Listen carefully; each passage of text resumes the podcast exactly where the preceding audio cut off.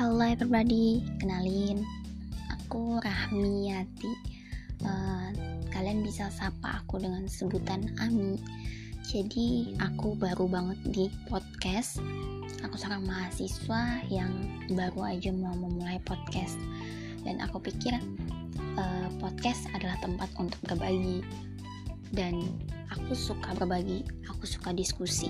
Karena buat aku sharing is caring Nah, jadi di podcast podcast aku ke depannya, aku bakal bagiin cerita-cerita yang terjadi di hidup aku dan di lingkungan sekitar aku. Ini bukan tujuannya buat curhat ya, tapi uh, aku akan menekankan lebih kepada uh, amanah, hikmah atau pelajaran yang aku dapat dari sebuah kejadian-kejadian dalam hidupku emang agak lucu sih ya buat siapa atuh tapi semoga dari cerita-cerita gue itu bisa menginspirasi teman-teman semua dan bisa bikin kita tetap semangat dalam menjalani hidup ini.